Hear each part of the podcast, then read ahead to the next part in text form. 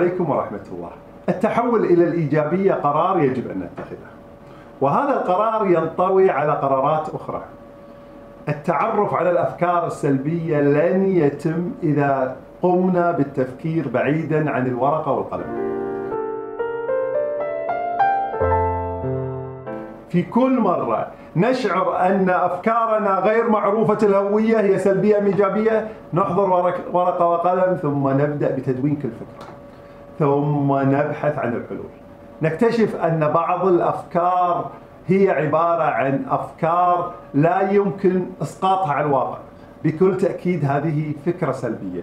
لأن الأفكار الإيجابية يمكننا على أقل تقدير أن نذهب إلى شخص ثم نطرح عليه مشكلة ويقدم لنا بعض الحلول.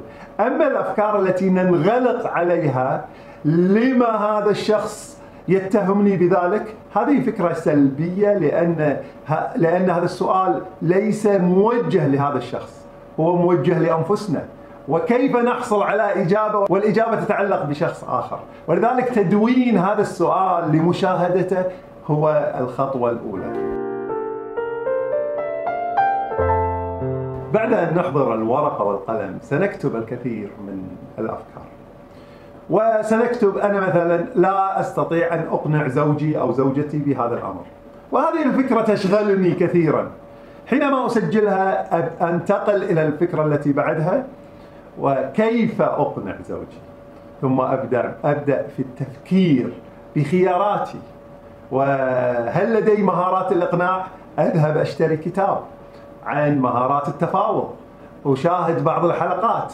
مثل هذه الخطوات التي تتحول من العقل إلى الورقة ثم إلى التنفيذ بالواقع هي خطوات إيجابية وأفكار إيجابية.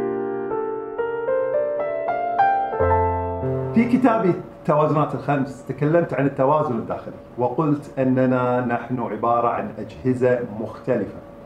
وهذه الأجهزة المختلفة مثل الجهاز الهضمي يحب الخضروات ونحن نحب الشوكولا.